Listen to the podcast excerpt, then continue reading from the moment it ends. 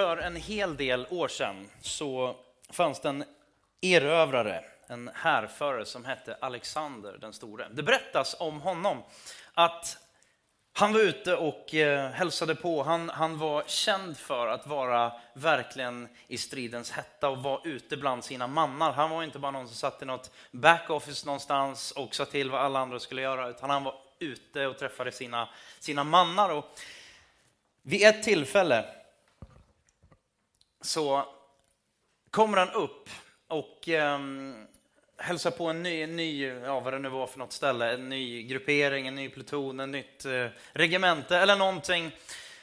Och så på vägen upp dit så träffar han en man, eller rättare sagt han ser en ung soldat som ligger ner och sover. Och han skulle inte sova för han var vid, vid, vid någon slags vaktpost eller någonting. Eh, så han red fram och den här mannen, unge killen, vaknade till. Och så ställer han, det berättas att han ställer den här frågan, vad heter du? Och den här unge mannen vaknar till och, ja, jag heter, jag heter Alexander. Och Alexander den store, han blir irriterad så han frågar, vad, vad heter du? Jag, jag, Sir, jag heter, jag heter Alexander. Och så säger han bara, Alexander den store, grymt till och blir irriterad på att han heter samma som han själv. Och så säger han bara, change your name. Det sa jag inte eftersom han inte var engelsk, men jag kan inte grekiska. Så att, change your name och change your conduct. Förändra ditt namn eller ändra ditt beteende. Han tyckte det var förskräckligt att en soldat hade samma man som han och dessutom låg och sov där. Har du känt dig sådär ertappad på sängkanten någon gång? Du känner dig som en, en loser, du känner dig liten, du känner dig som en förlorare och så blir du ertappad där. Och du skulle vilja att saker och ting var så annorlunda. Jag vet inte vad du tänker, men jag tror att vi alla har en massa potential, en massa talanger, en massa saker på vår insida som, som vi tänker det hade varit så fantastiskt om det kunde komma fram men som inte riktigt kommer fram. Är det någon som känner så? Jag har en massa talanger, grejer, potential som inte kommer fram. Är det någon som, som känner så? Ja, men eftersom det är många som inte känner så, så, så skulle jag tycka att ni skulle bara köra liksom life coaching och bara liksom hjälpa världen. Helt enkelt. Men om du tillhör de av oss som känner att det finns mer att ge, come on somebody. Som inte känner att vi är riktigt fulländade och perfekta då är den här hösten och den här höstens serie för dig changed. Och förhoppningsvis inte bara förändrad och, och förnyad, förbättrad, utan helt enkelt förändrad till, till det bättre. Det är ju så lätt, alltså du kan ju läsa managementböcker, liksom självhjälp, självcoachingböcker och, och till viss del är jag, är jag liksom all for that, 27 punkter till ett bättre liv och 58 punkter till liksom din, att nå din fulla potential. Eh, och det finns säkert mycket bra i de där böckerna. Men grejen är att det jag alltid kommer fram till är ju att problemet är inte att veta vad jag borde göra. Problemet är att göra det. That's the problem, i alla fall för mig. Jag vet inte hur det är för er. Men den här serien, Changed, handlar om, inte bara om vad du, vad du borde göra. Det är liksom inte så här, ja, nu ska man en hel höst och prata om vad du borde göra. Eh, hur du ska bete dig för att vara riktigt duktig. Så här, ja, jag är duktig. För det är så lätt att tänka, det här borde jag göra, det här skulle jag gjort. Och så kommer man in i det här, tänka om och så känner man sig dålig och allt, allt vad det är för någonting. Det kan absolut vara på sin plats ibland att bara erkänna sina fel och brister och erkänna I don't got it. Men det är också väldigt skönt att veta att det finns en väg framåt. Um, inte bara hur det, saker och ting borde vara, utan att det finns någon som vill hjälpa till. Och det är väl dit vi kommer idag. Changed. Vi har helt enkelt kört som, kört som Linus sa, Efesierbrevet kapitel 1-3 under våren. Eh, 12, 12 delar, så det var säsong 1, episod 1 till 12. Nu är vi inne i säsong 2, episod 1. Och eh, det är ju så, det är en, en, jag ska försöka lägga någon slags grund för hur våran eh, höst kommer att se ut. Eh, sådär. Men om man ska bara väldigt, väldigt enkelt beskriva eh, kapitel 1-3 och sen då 4-6 för att särskilja de två i Efesierbrevet så skulle man kunna säga så här att kapitel 1-3 är läran och sen kapitel 4-6 då, det är livet. Eller man kan säga duty, eller doctrine. Först doctrine och sen duty. Man kan prata om eh, teori och sen praktik. Det är trevligt att komma fram till praktiken. Och eh, när han tar egentligen, han, han packar upp eh, kapitel 1-3 och sätter det liksom i händerna på oss. Och det kommer vara många härliga utmaningar hela den här hösten. Eh, jag ser fram emot det. Så, eh, han har helt enkelt been talking the talk, but now it's time to walk the walk. Så dagens bibeltext är från Fesebrevet kapitel 4, vers 1-6. Vi läser. Jag uppmuntrar er därför, jag som är fånge i Herren. Och där är han inte bara fånge i Herren, utan han sitter faktiskt fängslad när han skriver här för sin tro på Jesus Kristus. Då. För i romarriket så, så var det inte helt kosher att prata som han gjorde så och, och bota sjuka, allt vad det var han gjorde för någonting. Så att han sitter fängslad och skriver här. Så han är väldigt eh, uppåt och, och eh, glad ändå. Eh, så. Att leva värdigt den kallelse ni har fått. Var ödmjuka och milda på allt sätt. Visa tålamod och ha fördrag med varandra i kärlek. Var ivriga att bevara andens enhet genom fridens band. En kropp och en ande, liksom ni kallade, kallades till ett hopp, det som tillhör er kallelse, en tro, en, eller en Herre, en tro, ett dop, en Gud, som är allas fader, han som är över alla, genom alla och i alla. Jag kommer ta den här texten och grundläggande, det finns så mycket som helst man skulle kunna titta på, men vi kommer titta på tre saker. Det första är varför, därför. Det är logiskt. Varför, därför. Eh, och sen då leva värdigt kallelsen vi har fått. Och sen we are on our way united. Så varför, därför? När du ser ett därför ska du alltid fråga dig varför finns därför, därför? Eller hur? Det är ju en väldigt bra logisk fråga. För annars så bara, men varför står det där därför, därför? Och så kanske man missar det som egentligen ligger till grund för. Och, och här naturligtvis syftar ju Paulus på det han just har sagt här precis innan. Ehm, och det är just det här temat. Egentligen kan man säga så här, han syftar på allting som han har sagt i kapitel 1-3. Ehm, I den svenska översättningen här Ehm, så är det väl eh, precis ord nummer fyra som där hamnar därför liksom på fjärde plats, eller säga, fjärde ordet in. Så. Eh, I, I ganska många ja, engelska översättningar bland annat så börjar det med therefore. Alltså det börjar med därför väldigt tydligt. Nu är det, nu är det ett skifte på gång. Eh, han syftar, så jag tänkte att jag skulle läsa kort bara vad det är han säger för någonting i slutet som jag tycker är en bra summering också på eh, egentligen hela kapitel 1 3. Så Efesierbrevet 3, 17, en bit in där, eh, och sen till vers 21. Han säger han så här. Jag önskar att era rötter, se det som en bön, alltså han, hans, hans hjärta går ut han är ärlig och säger, jag önskar det här för er. Jag önskar att era rötter ska tränga djupt ner i Guds underbara kärleksmylla. Och att ni ska kunna känna och förstå, precis som alla Guds barn borde, hur lång, hur vid, hur hög och hur djup Guds kärlek verkligen är.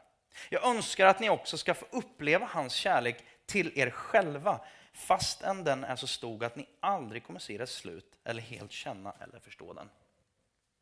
På så sätt kommer ni till sist att bli helt uppfyllda av denna gudomliga kärlek. Äran, den tillhör Gud som kan göra mycket mer än vi någonsin skulle våga be om eller ens drömma om. Ja, oändligt mycket mer än våra högsta önskningar, böner och tankar och mer än allt vi kan hoppas. Så stor är den kraft som verkar inom oss. Detta är anledningen till att vi i hela församlingen vill lovprisa Jesus Kristus i all evighet och för alla tider. Han tar i ordentligt, han, han skräder inte orden, han håller inte tillbaka, han trycker på och säger alltså, fattar ni hur stort det är ni har fått? Sen säger han egentligen då, därför, på grund av allt det här som ni har fått, därför, och så kommer de här utmaningarna eller uppmaningarna och uppmuntran och allt det. Alltså livet med Gud, det är som att dansa tango. Kanske du tänker på Let's Dance, jag vet inte riktigt, men jag, jag tänkte på Let's Dance. Eh, sen jag, jag, tänkte på, alltså det är ju en väldigt felaktig bild naturligtvis, men, men någonting kanske det säger. Alltså, det är ju en, och det är mannen som för i tango. It takes two to tango. Det krävs ju två personer, men det är ju en som leder, en som för. Och Gud, han är ganska trygg. Han är bra på att leda. Jag vet inte hur man håller, men i alla fall så... Eh, man, jo, det gör man, håller man. Men, eh, sen är det naturligtvis extremt stor skillnad mellan Gud och Let's Dance. Let's Dance, där blir du bedömd av en jury.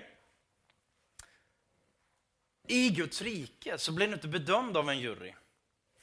I Guds rike så har du redan blivit friad. Eh, du har fått högsta poäng. Faktum är att Jesus har dansat innan dig. Och han har fått 10, 10, 10. Faktum är att nu, sitter, nu har inte han bara dansat, utan han sitter i juryn. Och han älskar dig, han är helt såld på dig eh, och ger dig 10, 10, 10. Så nu kan du slappna av och bara enjoy the dance.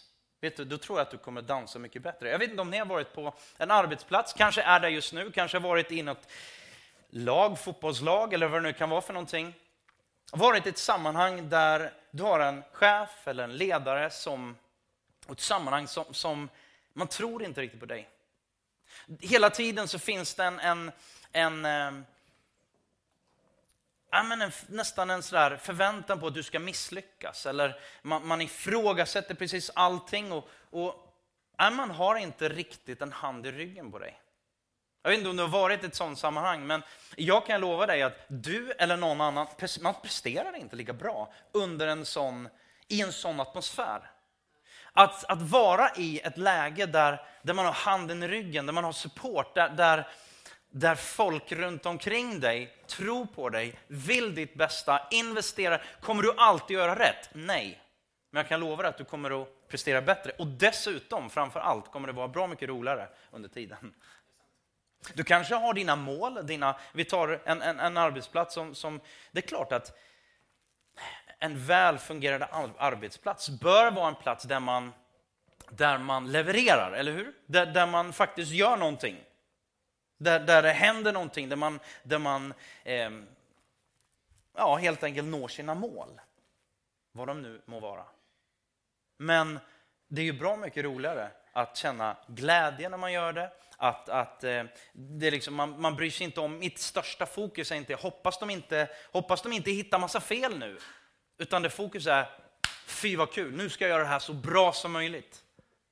Nu vill jag verkligen ge mina kunder eller mina patienter eller vad det nu är för någonting. Jag vill ge dem det bästa som bara går. Inte utifrån att jag är rädd för att göra fel, utan för att jag älskar eller jag vill personen och personerna som jag jobbar tillsammans med för åt det absolut bästa. Vilket väljer du? Många har hamnat helt fel i den kristna tron.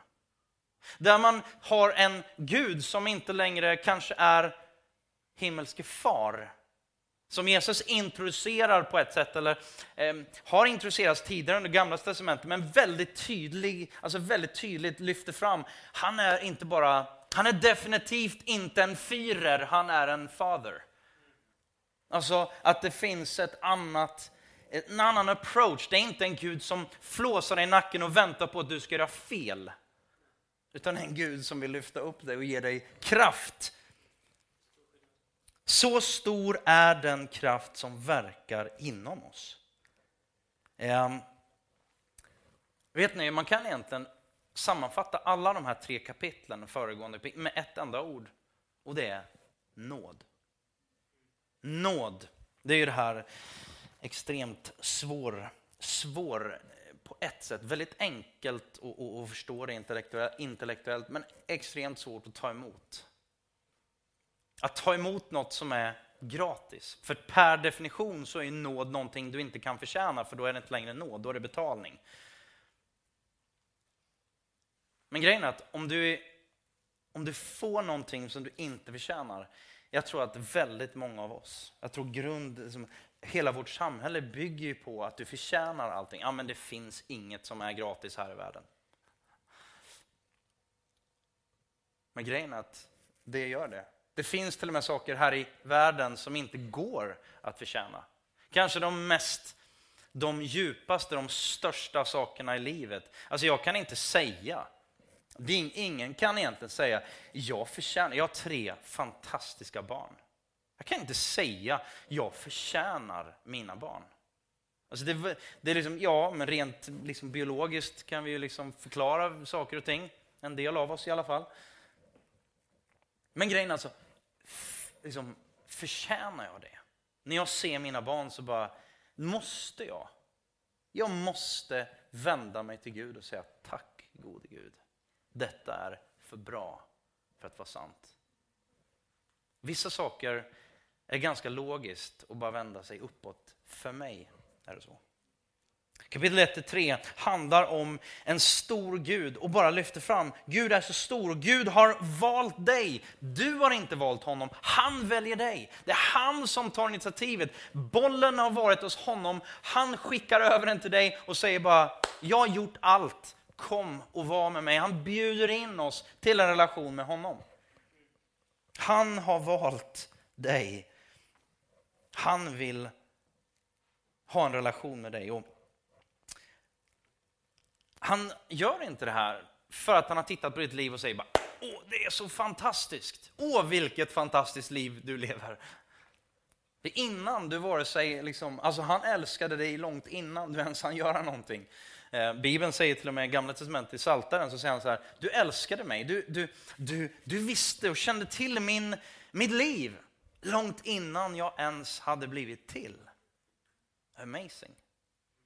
Jag menar, ett, en liten, ett litet spädbarn.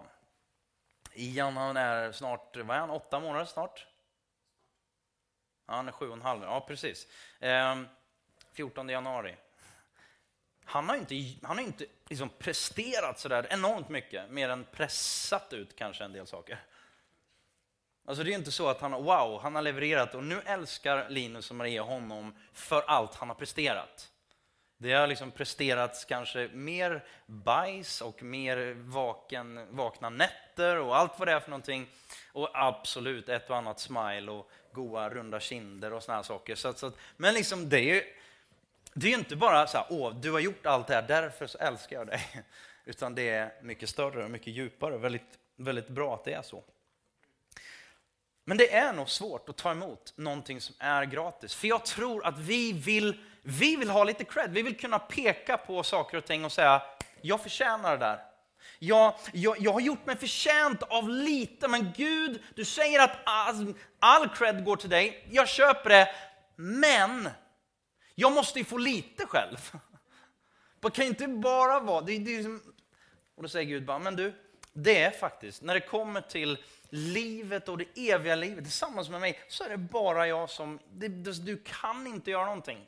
Min kärlek för dig beror inte på vad du gör, vad du har gjort eller kommer att göra, utan det är jag som har initiativet.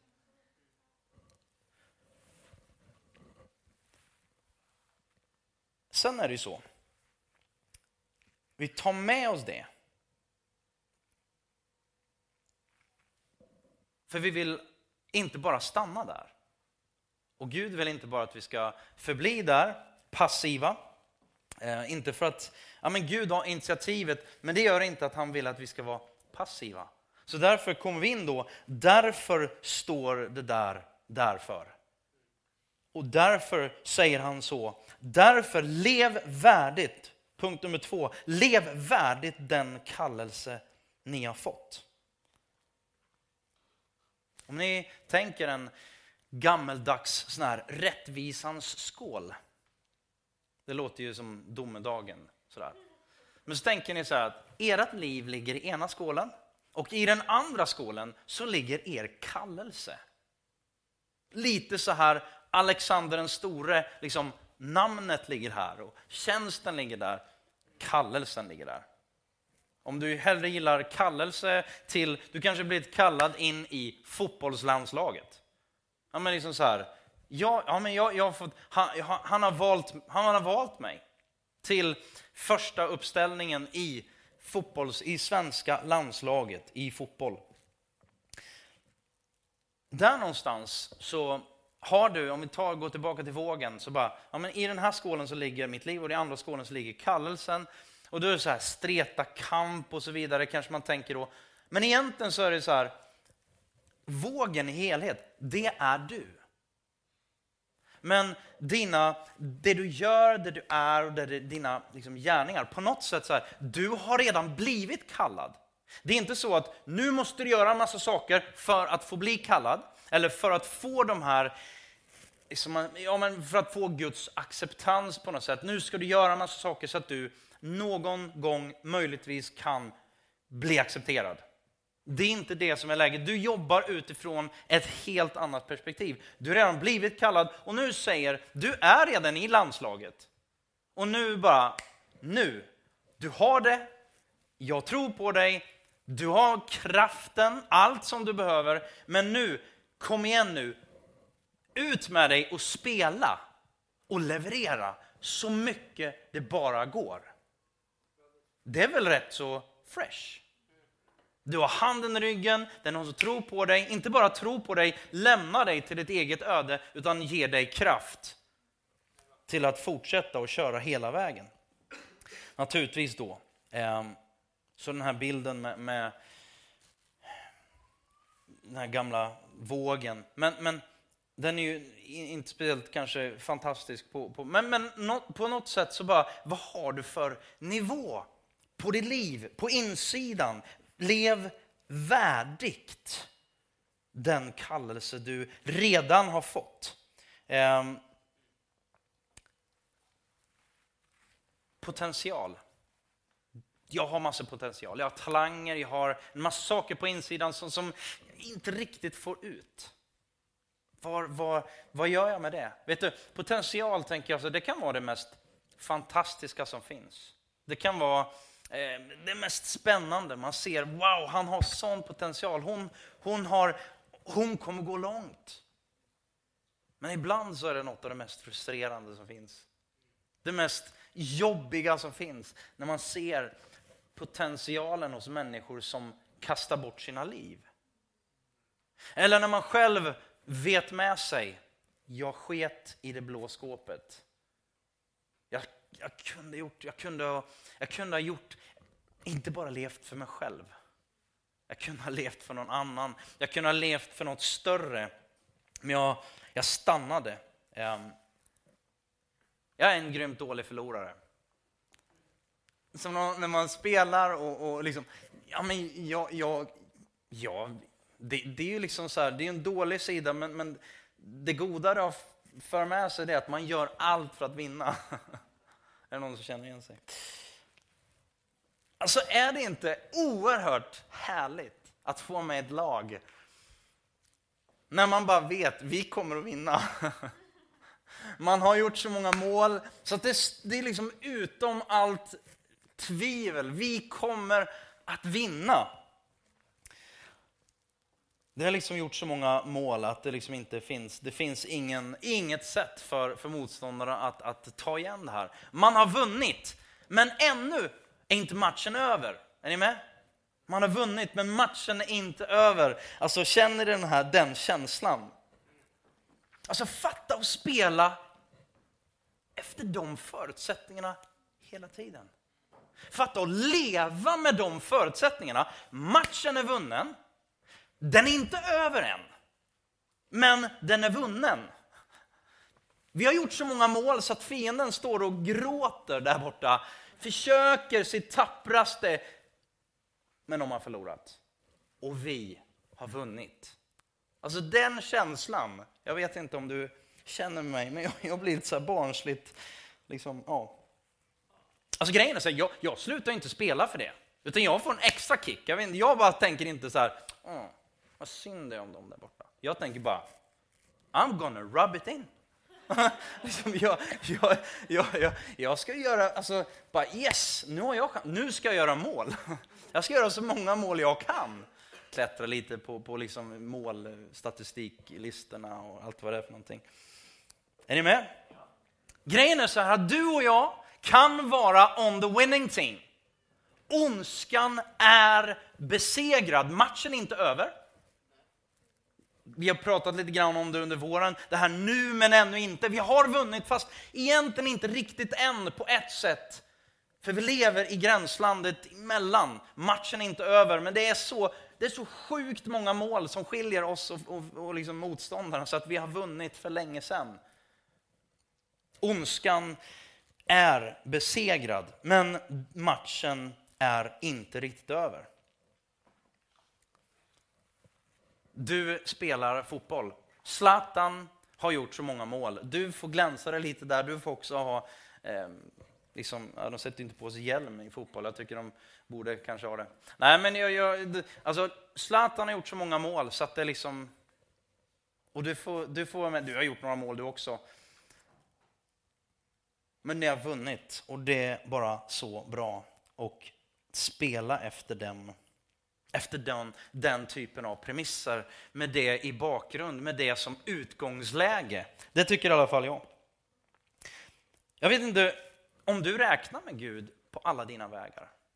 Eller också så kanske du kanske inte funderar så mycket överhuvudtaget på Gud. Du har inte riktigt bestämt dig för vad du tror kanske. Finns Gud, finns inte Gud? Ehm, vi är egentligen inte här och jag är inte här för att prata så mycket om vad, vad, jag, vad jag, tycker och, och, så vidare, utan vi försöker att lyfta fram och det är därför vi betar av och lyfter fram vad, vad, vad som står i Bibeln. Och vi tar det bit för bit och steg för steg och vers för vers på det sättet. Men, men jag vet inte hur du ser på Gud. Är Gud lite fyreraktig för dig? Är det inte den här himmelske fadern? Är det inte den här sköna, eller sköna, fel ord, den här mäktiga supporten? Utan är det fyren som står och, och egentligen flåsar dig i nacken, kikar över axeln för att se om du kan och när du ska misslyckas. För då ska han minsann vara där och berätta för dig hur fel och, och, och hur fel du har gjort och hur misslyckad du är. Vilken bild av Gud har du? Återigen, jag tror vi vill förtjäna. Vi vill ha credden för att vi har vunnit matchen. Men nu är det faktiskt så här att när det kommer till livets match, eller rättare sagt evighetens match, där har vi inte lyft många strån kan jag säga. Gud har gjort allt som krävs. Han har både dansat, gjort mål och alla liknelser vi har tagit idag. Mer än någonsin, mer än vad som krävs, en gång för alla, behöver inte göras igen överhuvudtaget. Däremot får vi vara med och enjoy the game. Men så kommer vi hit då, där lev värdigt ja, men då, då, då kommer vi hit igen. Ja, men då handlar det till syvende och sist om prestation. Det handlar om att jag ska vara på ett visst sätt, att jag ska passa in och det är en viss nivå, en viss standard. Ja, men absolut. Till viss del. Men ifrån vilket perspektiv? Vi har redan vunnit matchen. Du är vald in i laget. Det är liksom inte det vi pratar om. Däremot så vilken far i den här världen och inte minst i himlen skulle inte vilja du, att du att du maximerar allt det du är och att du får vara det bästa du kan vara. Det vore ju en väldigt märklig far, kan jag tycka. Det är som att du går på en, eh, ja men det här med, med att, att bete sig, att, att, att leva värdigt, med en värdighet. Det är som att du blir inbjuden, och inte bara inbjuden till ett bröllop, utan en vän som du har, du kanske inte, du visste inte riktigt men du får det där telefonsamtalet eller knack på dörren och så bara, jag vill att du är min best man. Eller jag vill att du är min bridesmaid. Min tärna, jag, jag har fixat allting. Jag har faktiskt låtit sy upp kläder redan som passar dig. Jag har betalt för dem. Jag har fixat allting. Vill du bara göra mig the honor att vara min best man, min bridesmaid? Och så går du och tittar och så bara tittar du på klänningen och så bara, de där färgerna skulle inte jag ha valt. Bara, den där fracken, den ser, jag ser ut som en pingvin. Ja, men, du skulle ju aldrig göra så. Hoppas jag. Några av er bara, jo, det skulle jag. Det är därför att you are so full of yourself. Men grejen är den att där någonstans så, så är det ju inte all about you. Du är inbjuden, du har privilegiet att få med. Men du, allt du behöver göra egentligen, det är att klä på dig. Klä på dig kläder som passar.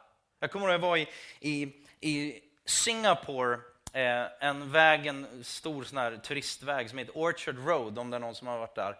Ehm, och så bodde vi i ett eh, hotell där i alla fall. Och, på våning 37 så fanns det en roterande restaurang som var så här, ja men den var übernice. Så vi var där, vi hade väl lite så här, liksom, det var ju übervarmt så att vi, vi gick omkring där i liksom, flipflops och, och, och shorts och någon tisha. Och, eh, och så, så bara, vi glider upp. Vi glider upp till restaurangen och så kommer vi dit. Och så kom vi ut ur eh, ja, hissen där som gick väldigt fort, kommer jag ihåg. Går ut där och så står det en, en ja, vad säger man, manager, whatever, sådär. Hovmästare kanske, det var det nog förmodligen inte, men, men någon, några steg innan hovmästaren. ja, så kom vi upp dit i alla fall och han tittar på oss. Tittar nerifrån och upp. Och han behövde inte säga någonting. Vi fattade läget och vi sa Be right back. För vi bodde i samma byggnad. Så vi åkte ner, klädde på oss lite annorlunda och sen när vi kom upp, då var hans ansikte väldigt annorlunda. Han såg väldigt mycket gladare ut, han såg inte så bekymrad ut. Då insåg vi, vi var inte klädda fit for the occasion. Är du med? Och då säger Paulus så här, du måste ju, alltså den kallelse du har fått, förstår du hur mycket den är värd? Alltså förstår du hur mäktigt, hur maffigt, förstår du alla kläder, allt, all bakgrund, allt som du har fått? Därför, lev ett liv värdigt, inte som en, en, en pinne som slår ner så här, du din fuling. Du din förlorare, nu, nu, du är usel. Och så, nej.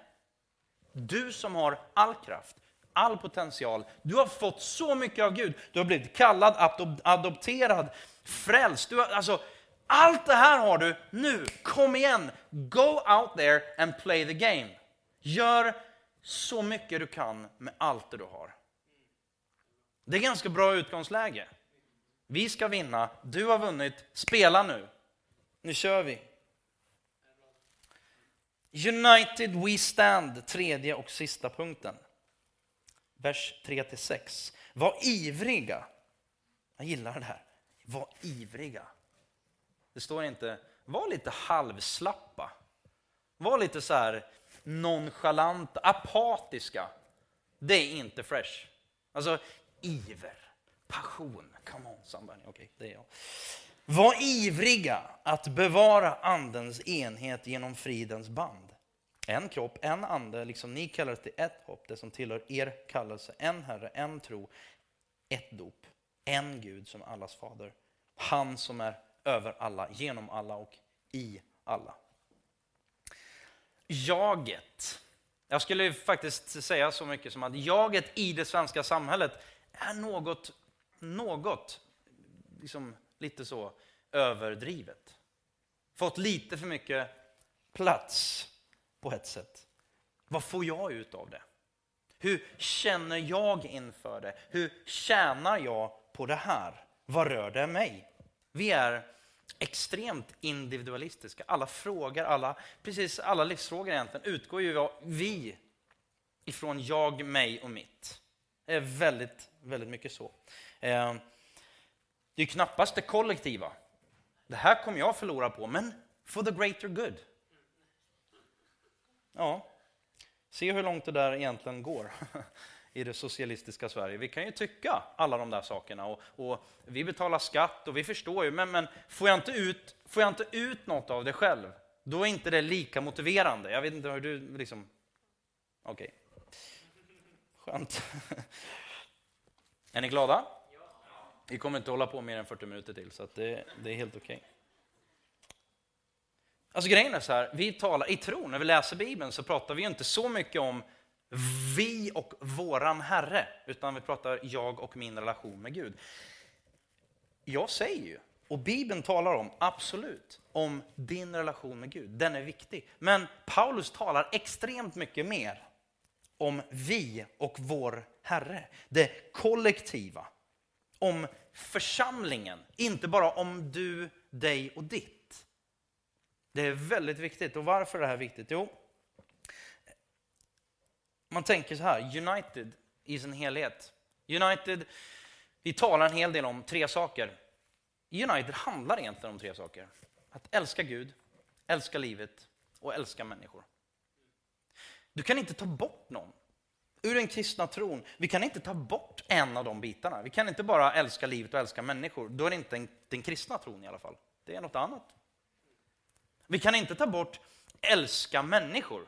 Det går inte. Ja, men det är bara jag och Jesus. Alltså det är ju inte, det, det är inte den kristna tron. Det är något annat, men det är inte den kristna tron. Du får tro precis vad du vill, men det är inte i alla fall den bibliska liksom, kristna tron. Du kan ju till syvende och sist plocka bort egentligen vad som helst. Ja, men kan inte plocka bort älska livet. När Jesus säger att, att vad, handlar, vad, handlar, vad handlar det kristna livet om? Jo, det handlar om att älska Gud av hela ditt hjärta, hela din själ, av hela ditt förstånd, allt det du är och älska din nästa som dig själv. Det är väldigt svårt på ett sunt och, och äkta sätt älska någon om du hatar dig själv. Ta hand om någon och så vidare och så vidare. Um, vi tror inte på kristendom i isolation från människor. I Sverige, där, det, där du får prata om vad som helst. Du får prata om liksom det, det, det, mest intima, sex och, och, och liksom vad det nu är för någonting. Men vi får inte prata om tro, för det är lite jobbigt. Det är, liksom så här, det, det, är så, det är så extremt märkligt, kan vi inte vara öppna? Jag önskar ju att det skulle vara... Nu är folk, folk mer och mer öppna. Det är väldigt kul. Och, och eh, känns som att alltså, man är rätt trött på bara det ytliga. Bara det som, som är, så länge det inte berör på djupet, då, då kan vi prata om det. Väldigt skönt att få närma sig och, och, och umgås med folk som, som verkligen, man behöver inte tycka lika, man kan tycka väldigt olika. Man vill prata om riktiga frågor. Om man tittar på den kristna tron och de här sakerna som lätt kan tas då som den kristna tron, den handlar om att du ska göra det här, du får inte göra det här. Och så, först och främst, då har man missat allt the backdrop, kapitel 1-3. Är ni med? Där allt, du har fått allt det här, du behöver inte göra någonting. Faktum är att du inte kan göra någonting för det. Jag behöver inte gå över det igen, för att vi har, vi har liksom tagit det. Men, men det är så lätt att vi bara hamnar, så pratar vi om de kristna, vad ska jag säga, kallar dem för dygder. Det är ett härligt ord. En kristen, en, en dygd. Ödmjukhet och, och alla, de här. Det här det är bra grejer. Men grejen är att allt det, allt det om du plockar bort det relationella, alltså allt det tränas och utsätts för prov och skapas, formas i relation till andra människor. Alla. Varenda dygd. Varenda fin kvalitet i liksom en människas liv, anser jag, det är därför så, det, det formas och skapas, slipas i relationen till andra människor. Därför menar jag, och jag har ganska god, liksom, gott belägg, både Paulus bakom mig och ja, Johannes till exempel, om du läser första Johannes brev kapitel 1. Om du, inte, om du säger att du älskar Gud men hatar din bror, då är du en lögnare. Och så kan du fortsätta och lära. Alltså det handlar hela tiden om vad, vad händer? Din tro på Gud, låt den materialiseras. Inte för att du måste, inte för att du är en loser annars, utan på grund av att du är en vinnare, låt det ta sig uttryck på ett vinnande sätt gentemot andra. Ett helt annat förhållningssätt. Varför är då enhetens väg så viktig. We're on our way united. Vi behöver ändra från we, eller från me to we. Att vi går lite mer till, till vi. Eh, några korta tankar om varför detta är viktigt. Galaterbrevet 3 och 26-28. För grejen är så här, om vi tänker ja, men tillsammans, då, då det enhet. Vi heter ju för allt i världen United, så det vore konstigt om vi inte kunde prata om det. Eh, och då säger du så här, ja men det var det jag visste. Då måste alla vara lika, om vi ska ha enhet, då måste alla vara lika, tycka lika och så, så bygger vi enhet kring det. Jag skulle inte kalla det för enhet, jag skulle kalla det för inskränkthet. Låt oss läsa Galaterbrevet 3, 26-28. Alla är ni Guds barn genom tron på Kristus Jesus. Alla ni som har blivit döpta till Kristus och blivit iklädda Kristus. Här är inte jude eller grek, slav eller fri, man eller kvinna. Alla är ni ett. Alla är ni enade i Kristus Jesus. Grejen är så här att Jesus Kristus och Gud genom Kristus har gjort och skapat åt sig själv ett nytt folk. Församlingen, kyrkan. Ehm, en gemenskap som inte konstitueras genom ras, hudfärg, ehm, profession, ehm, utbildning, tjocklek på plånbok eller någonting av det, utan konstitueras av något helt annat. Tillhörigheten till honom. Att vara del av Guds familj. Det är vad enheten baseras kring. Och framför allt så måste man inse att enheten är någonting som han skapar. Det är inget som vi behöver skapa. Han säger inte skapa enhet, han säger behåll eller förvalta. Se till att ni har och bygger på enheten som redan finns. Det är inget vi ska nytt som vi ska skapa. Några praktiska punkter. Var ödmjuka och milda på allt sätt. Visa tålamod och ha fördrag med varandra i kärlek. Var ivriga att bevara andens enhet genom fridens band. Bevara enheten. Nummer ett då, var ödmjuk och mild. Det låter så, det låter så fluffigt kanske. Men jag tänker så här, alltså ödmjukhet, hur man definierar det. Ödmjukhet är inte att tänka mindre om sig själv, utan ödmjukhet är att tänka mindre på sig själv. Det är väl bra? Det är inte bara åh, ödmjukhet. Jag är en loser. Jag är så dålig. Jag lyckas inte med någonting. Kom med mig och så lyckas vi inte med någonting, någon av oss. Det är liksom inte, det, det är någon märklig, jag vet inte vad det är för någonting. Det är liksom inte en mjäkighet som att vi får inte lyckas någonting. Vi har just sagt att vi är övervinnare. Vi tillhör det vinnande laget. Vi ska göra det bästa vi kan. Men jag behöver inte tänka, mig, tänka på mig själv och vara uppfylld av mig själv hela tiden jämt. Nästa bit. Visa tålamod och ha fördrag med varandra i kärlek. Jag vet inte hur du är, men när du är och påminner om när du är kär och du älskar, vad händer då? När du verkligen sätter, du, du är villig, du bara önskar, jag vill sätta den här personen före mig själv. Hur är du då? Ser du alla andras fel och brister då? Eller den här personens fel och brister då? Förmodligen inte. En del av er är så kära så ni ser ingenting. Bara kör inte bil för allt det världen. Bara ute och fullständigt. Men det händer ju någonting. Man ser inte personens brister och sen om en del då känner att nu har jag gifta ett tag, nu ser jag bara fel och brister. Och då kommer man få påminna sig om att ha tålamod. Och det är en dygd, kära vänner. En del har inte så mycket av det. Tålamod och fördrag med varandra i kärlek. Tänk att älska någon. Att vakna upp. Jag tänker, alltså, om vi ska bevara enheten i United så måste vi tro det bästa om varandra.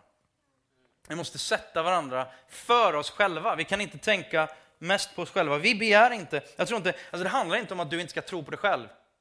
Eller tänka på dig själv. Du ska bara tänka inte riktigt mycket, lika mycket på dig själv. Tänka mer på andra. Det är väldigt bra. Och sen den sista biten, och jag ska avsluta med det här. Var ivrig. Låt mig bara, ja men var passionerad.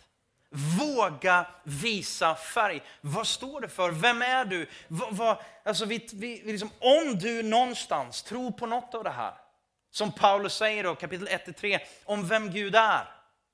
Våga släppa fram det. Du behöver inte gå, eller rättare sagt, du ska inte gå och, och, och liksom hålla på med plakat på stan och så vidare. Men uttryck det. Uttryck det i handling. Inte så mycket med din mun kanske, utan uttryck det mer med handling. Med allt det du är och har. När du älskar någon, uttryck det i handling. Flera av er män som är gifta eller är tillsammans, kanske du behöver visa mer. Var lite mer passionate, ivrig. Inte bara till just en del av liksom hemma, sängen och komma dit, utan göra andra saker. Tjejer, ni kanske behöver vara ivriga, mer passionerade och visa, ja men du är allt. Istället för att peka, hitta fel och allt, vad det nu är vi kan göra för någonting. Vara ivriga och inte bara den jag lever med eller älskar på det sättet, utan människor omkring oss. Att lyfta upp och att, bara, att ge varandra boosters. På, på vårt kontor där, där jag jobbar, så då har vi bara sagt så här, vi, alltså, vi ska vara, är du inte det när du kommer hit så ska du bli det här. Du ska vara generös, och inte bara generös, utan du ska vara en booster. Du ska vara energiskapande. Det är liksom så här, det är så det är här. För vi vill inte ha energidränerare, vi vill ha energiskapare. Och vet du, folk tycker det är ganska kul att gå till jobbet helt plötsligt när det är en uppmuntrande, liksom, och en, en, det är inte alltid lätt. Det har varit både tårar och allt möjligt på, på, på kontoret. Men det är väldigt kul också att bara inse, vi har det bra tillsammans, jag tror på dig, på riktigt. Och jag uppmuntrar. Ibland tycker vi olika, men vi fokuserar på det och vi går vidare. Vi tror på varandra. I United så tror jag att det måste finnas en djupare, ja men ett annat djup helt enkelt, på enheten. Där alla de här sakerna får plats. Kärlek, ödmjukhet och mildhet, men också en passion. Jag längtar efter en ännu mer passionerad kyrka som står för, ja, men, som vågar stå för det som Bibeln står för, men också har den enorma generositeten att inte alla måste tycka som jag. Det är väl Jesus Kristus i ett nötskal. Jag önskar att vi ska få se många sådana kyrkor framöver.